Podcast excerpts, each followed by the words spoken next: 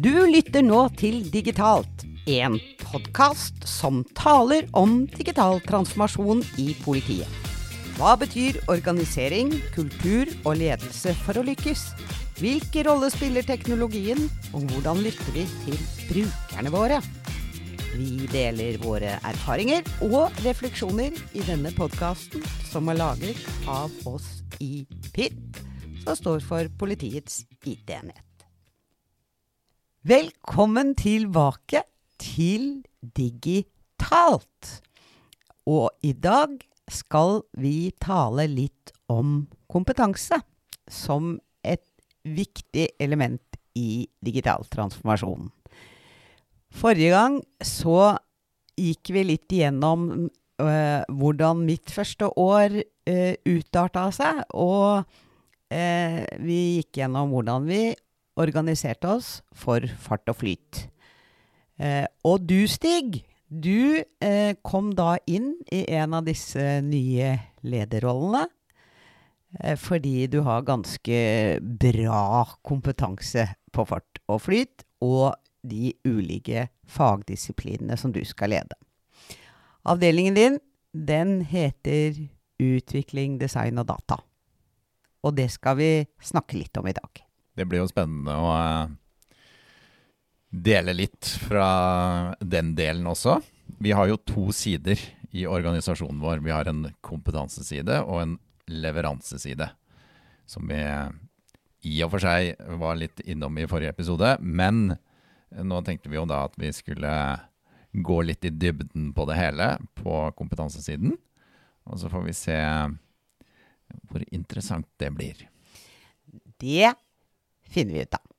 Vi, eller jeg tenker, Stig, at uh, det er uh, flere uh, aspekter ved, ved, din avdeling, og, og rent prinsipielt en avdeling i PIT, som samler folk og fag. Og det første, det handler jo om akkurat folk. Det å utvikle de folka som vi har her. men før vi zoomer inn på det, da du kom inn, Eh, med denne helt nye avdelingen, organisert i flere seksjoner, flere fagmiljøer. Hva, hva, tenkte du da? Hva tenkte du? Hvor er Pitt?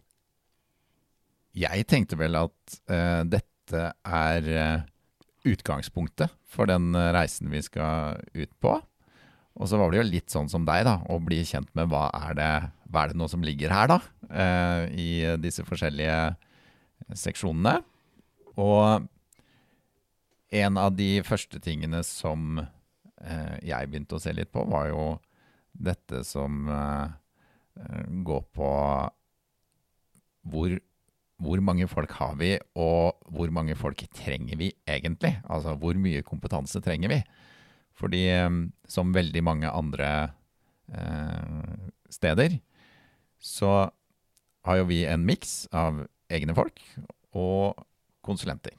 Så det å finne ut av eh, vår egen totale kapasitet, altså systemets kapasitet, det var jo en viktig ting som vi i og for seg har jobbet med eh, i hele 2022.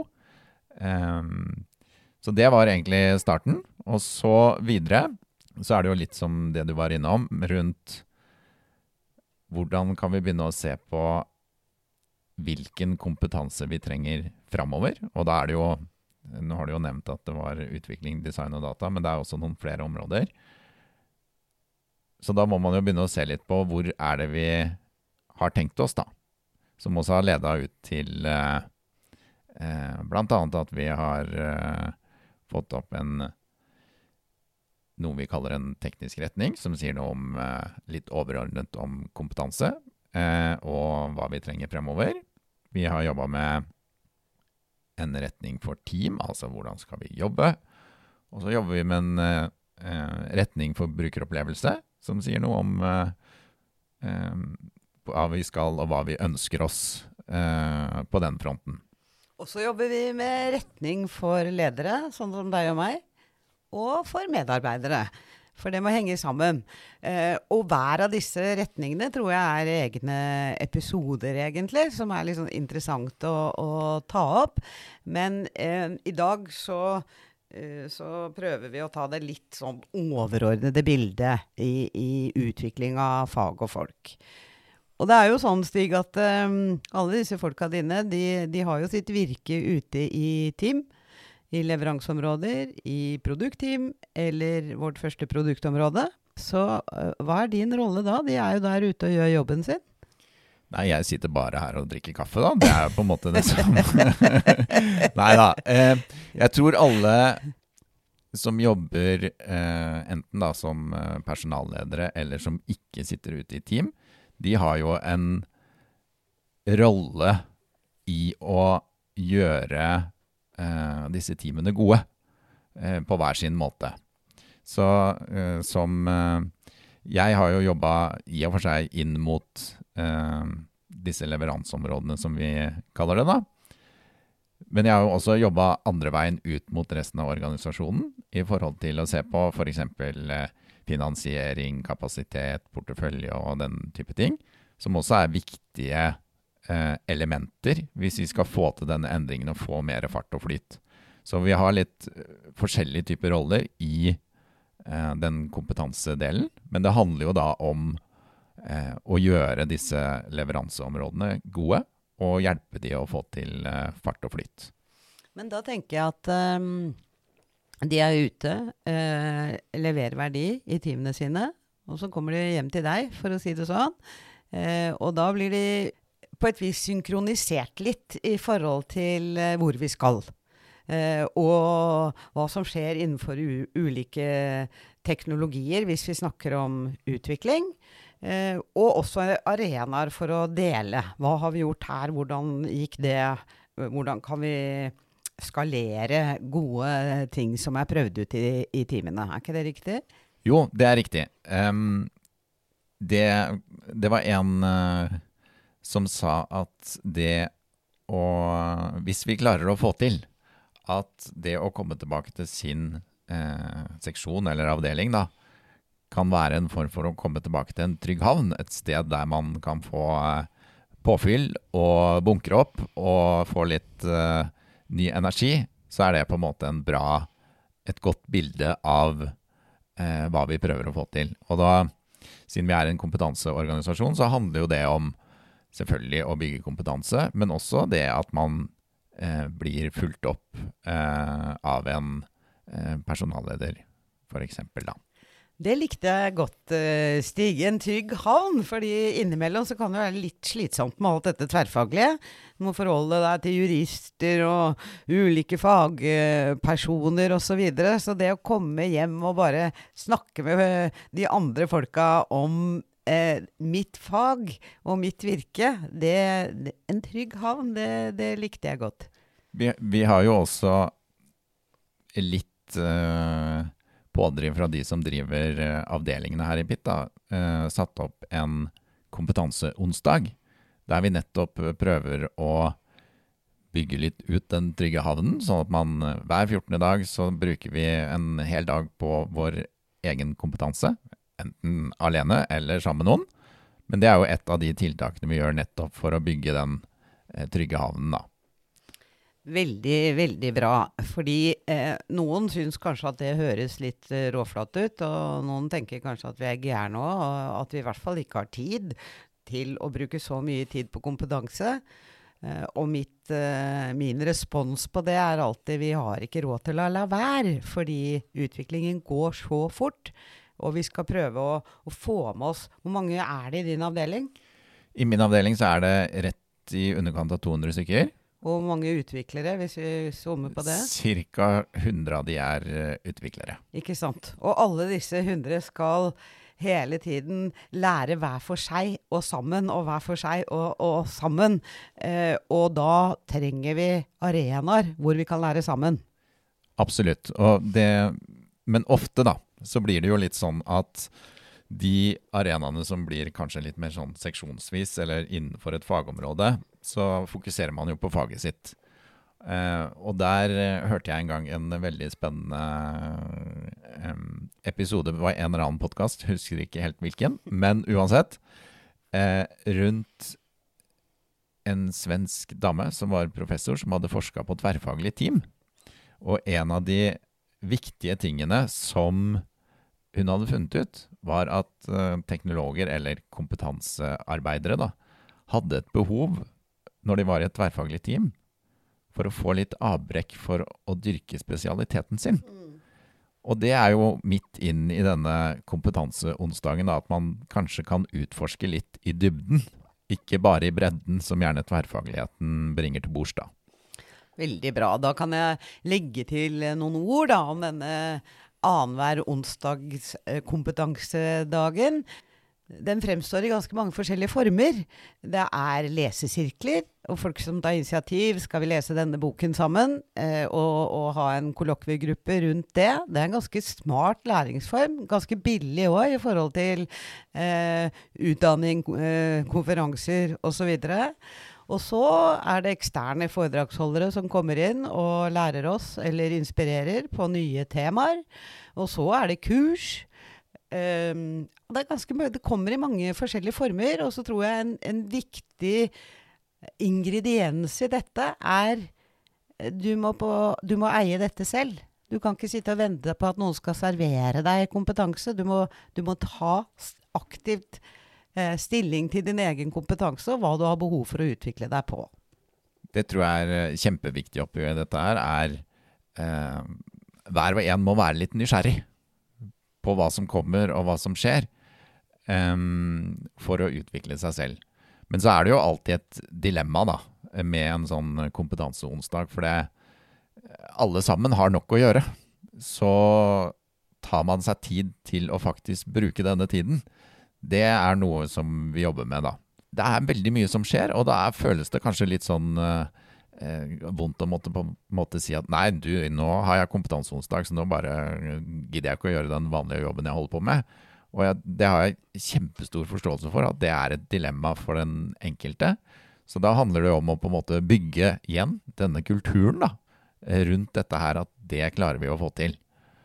Så um, det er en viktig, viktig ting, og den reisen er vi definitivt ikke ferdig på. Vi er bare i begynnelsen. Men vi må ha litt eh, utholdenhet i det lange løp på akkurat dette her, da. Dette finner vi ut av, og én ting er sikkert, vi blir aldri ferdige. Så eh, kompetanseutvikling og mye av disse dilemmaene som oppstår mellom team og linje, det tror jeg ganske mange organisasjoner kan kjenne seg igjen i. Fordi du skal både på eh, seksjonsmøter, og du skal på allmøte, og du skal drive med kompetanseutvikling. Og når er det egentlig teamet får anledning til å være samlet og, og jobbe med å skape verdi? Så der er det noen dilemmaer, eh, så det må vi finne ut av. Og det tror jeg er en utrolig interessant problemstilling som jeg nesten tror vi må eh, finne en egen episode til. Men dette med eh, context-switching og det å faktisk få tid til å jobbe, og ikke bli eh, dratt med i møter og alt mulig annet. Så det å ha litt struktur på det, eh, det tror jeg er viktig. Men det er også vanskelig. For det er så enkelt å kalle inn til møter, og i og for seg ødelegge arbeidsflyten til den enkelte. Så um, det der er et uh, veldig spennende tema. Veldig bra. Vi har så mange spennende temaer, så denne podkasten blir aldri ferdig. Men uh, Stig, i din avdeling så har du, du har flere miljøer. Men hvis vi går på data Da jeg kom inn i PIT, så tenkte jeg hvor, hvor er datafolket hen? Det var ikke mange hoder som hadde den labelen på seg. Hva tenker du om det? Hvor er vi der? Hvilken reise har vi lagt ut på? Data i politiet, litt som du er innom, da, det tror jeg har vært eh, noe som man ikke har kikka altfor mye på. Dataene har vært der, men vi har ikke gjort så mye med den. Vi har på en måte lagd eh, helt sikkert mye rapporter og fine Excel-ark, men det å begynne å utforske dette området og se på hvordan vi kan eh, ja, nærme oss noe som eh, La oss referere til det som datadrevet politi, da. Eh, det krever ny kompetanse, annerledes kompetanse, og helt sikkert også veldig mye utforskning av de tingene som er litt mer på lovverk og reguleringer og alt dette her, som gjør at vi faktisk kan bruke dataene våre. Men det miljøet, det har vi stille og rolig bygd opp. Um, både med noe innenfor data engineering, noe innenfor uh, analyse, og noe innen data science. Så um, er det jo klart at alle har hørt om chat GPT og alt det som skjer der. Kan politiet også lage sånne modeller? Det kan vi helt sikkert. Vi har uh, begynt å bygge opp et maskinlæringsmiljø som per nå holder på med opptil flere spennende ting. Men um, det sier seg jo selv at uh, det kan ha stor verdi for politiet f.eks. å drive med bildegjenkjenning eller tale til tekst eller den type ting, da. Men her er vi i den spede starten av ting. Så um, dette kommer, skal vi fortsette å bygge. Ja, vi blir aldri ferdig med det heller. Men vi kommer tilbake til det. Eh, det kan jeg love våre lyttere. En egen episode om hva betyr det å bli et datadrevet politi. Men det er et så stort tema. Kanskje det er flere episoder. Hvis vi går litt videre på din eh, kompetanse, så det var ikke Design var faktisk ikke en fagdisiplin da jeg startet. Vi hadde eh, fire eh, funksjonelle arkitekter. Jo, så hadde vi én UX-designer. En fantastisk eh, fyr som heter Kjartan. Eh, men, men, det var også veldig åpenbart for meg at eh, vi har ikke helt tatt inn over oss hva hva er design i digital transformasjon, og hvorfor er det viktig? Hva tenker du om det? Det tror jeg er veldig riktig. Du er jo selv en veldig sånn uh, pådriver for at vi skal forstå hvilke problemer uh, brukeren har. Um, så det miljøet også har vi um, gjennom det siste året begynt å bygge opp og fått på plass. Vi har fått på plass den første um, seksjonssjefen for design i politiet. Det er jo en rolle som aldri har uh, eksistert før. Så her bygger vi opp sten for sten, og det er jo eh, tjenestedesign og produktdesign nå i første omgang som vi eh, jobber mest med. Sånn spesielt kanskje produktdesign i forhold til at det trenger vi inn i disse produktteamene som vi nå etter hvert begynner å få opp. Det er veldig bra. Jeg hører at vi nesten lager en liten sånn innholdsliste over, eh, over, eh, de neste episodene. Fordi vi har fått et nydelig leder eh, for designerne, som er veldig sånn åpen og ydmyk i, i forhold til problemstillingene vi står overfor i politiet. Og det tror jeg er en så fin innstilling å ha med seg inn i det arbeidet når det er litt ukjent uh, fagområde. Hun heter Marte, og hun skal vi snakke med i en senere episode. Du var inne på også dette med kapasitet, uh, Stig. Som er uh, Det ene er kompetanse, og det andre er kapasiteten. Si litt mer om det.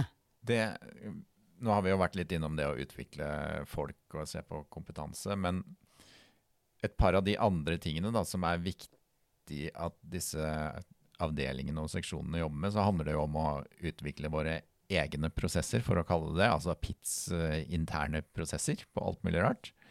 Eh, og en av de, bemanning f.eks., er jo noe som, siden vi på en måte blir en matriseorganisasjon, da, så bemanning er en veldig viktig faktor i det å eh, hele tiden kunne ha rett bemanning på rett plass. Og det høres jo fryktelig enkelt ut, men det, i praksis så viser det seg at det er veldig vanskelig. Det er tidkrevende, fordi i PIT og i eh, politietaten så har vi eh, de teknologene vi har.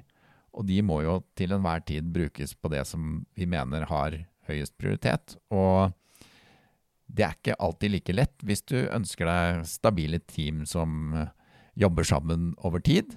For det, hvis du begynner å flytte på folk hele tiden, så blir det ja, da blir det kanskje ikke så gode team ut av det, da. Det er mange dilemmaer i dette også. Jeg tenker at uh, du sa riktige folk på riktig plass. Riktigst Riktigste Riktigst, tenker jeg. Fordi vi kommer aldri dit at vi er 100% optimalisert. Eh, vi kommer veldig godt på vei. Men det ene er eh, tenker jeg, hvordan plasserer vi folka våre til det beste for den verdien vi skal skape. Men dette er jo høyt utdanna, smarte folk, så de har jo egne ambisjoner og egne ønsker og vil lære seg den teknologien, gå dypere, gå bredere. Eh, og det må vi også hensynta. Vår erfaring på dette sammen, Stig, er vel egentlig at det er en ganske nitidig kaballegging. Det, det krever masse innsats, mye mer enn det man tror. Og denne bemanningen er ganske dynamisk, faktisk. Det er endringer stort sett hele tiden.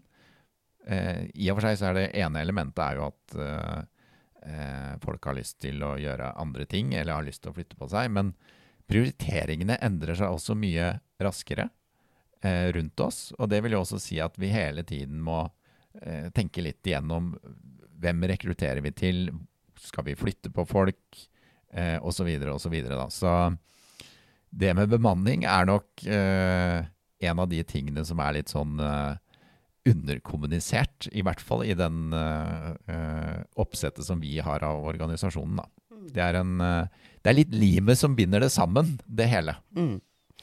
Uh, og, og, der blir vi heller aldri ferdig, tror jeg, finne den, den perfekte modellen for bemanning. Jeg, jeg, tror ikke den finnes, og jeg tror den må være i kontinuerlig utvikling. Og så har vi jo snakket om dette at ja, men uh, vi bemanner for å skape best mulig verdi på det som er prioritert til enhver tid. Og, og vi har kommet veldig langt, syns jeg, i, i, styringsmiljøet i Politidirektoratet på å få prioritering av de tiltakene som ligger. Det som er litt spesielt for politietaten, siden vi nå er litt sånn i, i starten av denne podkasten og prøver å dra litt sånn innledningsvis de store linjene, det er at eh, normalt sett så vil vi tenke på samfunnsverdi. Vi vil tenke på eh, brukerverdi for innbyggere og virksomheter. Andre eh, etater, samarbeidspartnere. Og vi vil tenke på brukerverdi for de som jobber i politiet. Men vi har også innført et siste verdibegrep som heter politisk verdi. For av og til så må vi gjøre ting som, som Eh, er politisk eh, betinget av Hurdalsplattformen i, i, dette eksempelet. Regjering kan jo skifte hvert fjerde år, så da får du nye politiske verdier som skal skapes, og, og det går inn og tar prioritet og, og stjeler eh, oppmerksomhet i det mer langsiktige prioriteringsarbeidet i etaten. Da. Det tror jeg også vi kan eh, komme tilbake til eh, i en annen episode. Jeg håper noen noterer nå alt vi skal komme tilbake til, for det er ganske mye. Det betyr jo bare at eh, digital transformasjon, eh, eller dig digitalt skifte, eller digitalisering, hva vi ønsker å kalle det, i stort, det er ganske omfattende tema. Det er veldig mange eh, fasetter av det som egner seg å pirke litt inn i. Men nå eh, er vi fremdeles på kompetanse. Eh, og jeg har jo også lyst til å dra frem eh, I avdelingen din så har vi etablert en seksjon for kontinuerlig forbedring. Ja, det har vi. Vi har um, Det har jo det lange, fagre navnet smidig coaching og kontinuerlig forbedring foreløpig. Får se på om det er det ideelle på litt lengre sikt. Men uansett så har vi der um, ansatt noen også en Marte, faktisk, eh, som leder den eh, seksjonen, som skal se litt på hvordan kan de hjelpe til å bygge det vi har referert til som fremragende team, og nettopp få til denne farten og flyten i teamene, da. Så vi må ha fart og flyt på mange nivåer også. Det er også en kompetanse i seg selv, for å si det sånn, at vi har noen eh, Noen som kan hjelpe teamene å eh, bli litt flinkere på diverse områder, da, som ikke er kanskje rent tekniske. Eller eh, ja, innenfor den fagdimensjonen som eh, den enkelte allerede besitter. Da. Som egentlig går på teamets indre liv. Eh, men som også går litt på prosesser i stort. da. Eh, F.eks. bemanning. Hvordan kan vi drive kontinuerlig forbedring av det? Hvordan kan vi drive kontinuerlig forbedring av onboarding? Og da blir det tverrfaglig med en gang, så det, det, er jo ikke noe denne seksjonen håndterer alene. Men i samspill med andre. Så har jeg lyst til å trekke frem også at vi har Vi kom jo fra et sted hvor vi hadde mye prosjektledelse og teamledelse. Og så går vi til et sted hvor vi har mer eh, coaching for å hjelpe teamene med sitt indre liv, og for å kunne greie å, å skape verdi raskere med fart og flyt, eller med fart og flyt. Og der er det også et fint samspill da vi må jobbe med, med den kompetansen vi har, og se på liksom hvordan flytter vi oss da? Hvordan kan eh, teamlederen vi hadde for fem år siden eh, se ut om fem år, for å si det sånn. Så det er jo eh, et samspill i, i organisasjonen. og og der har vi også øh, veldig engasjerte, flinke folk som øh, ønsker å, å, gripe fatt i nye rollen øh, inn under hatten smidig coaching eller kontinuerlig forbedring. Opp, oppi den, det lille som du sa der, da, så er det jo også et annet element som er viktig. og Det handler jo litt om at stort sett all kompetanse har jo utvikler seg over tid. Eh, så det å tenke litt igjennom og ha noen eh, tanker om hvor er det vi skal også med kompetanse, er jo veldig viktig. Ellers er det veldig vanskelig å eh, også drive den eh, kompetansedreiningen, da. Hvis ikke vi har noe å sikte på eller noe vi tror på, så er det veldig vanskelig å gå dit, sannsynligvis. Det tror jeg begynner å gi en fin avrunding på, på denne episoden. Og, og, jeg har lyst til å bare legge til at vi som ledere, vi må også kompetanseutvikle oss hele tiden. Og da tenker jeg på ledergjerningen. Og jeg vil si at takket være teknologer så er jeg en helt annen leder i dag enn jeg var for ti år siden. Og det er jeg veldig glad for. Men det er også en egen episode. Stig, vi blir aldri ferdige. Du har nå lyttet til Digitalt, en podkast laget av Pitt.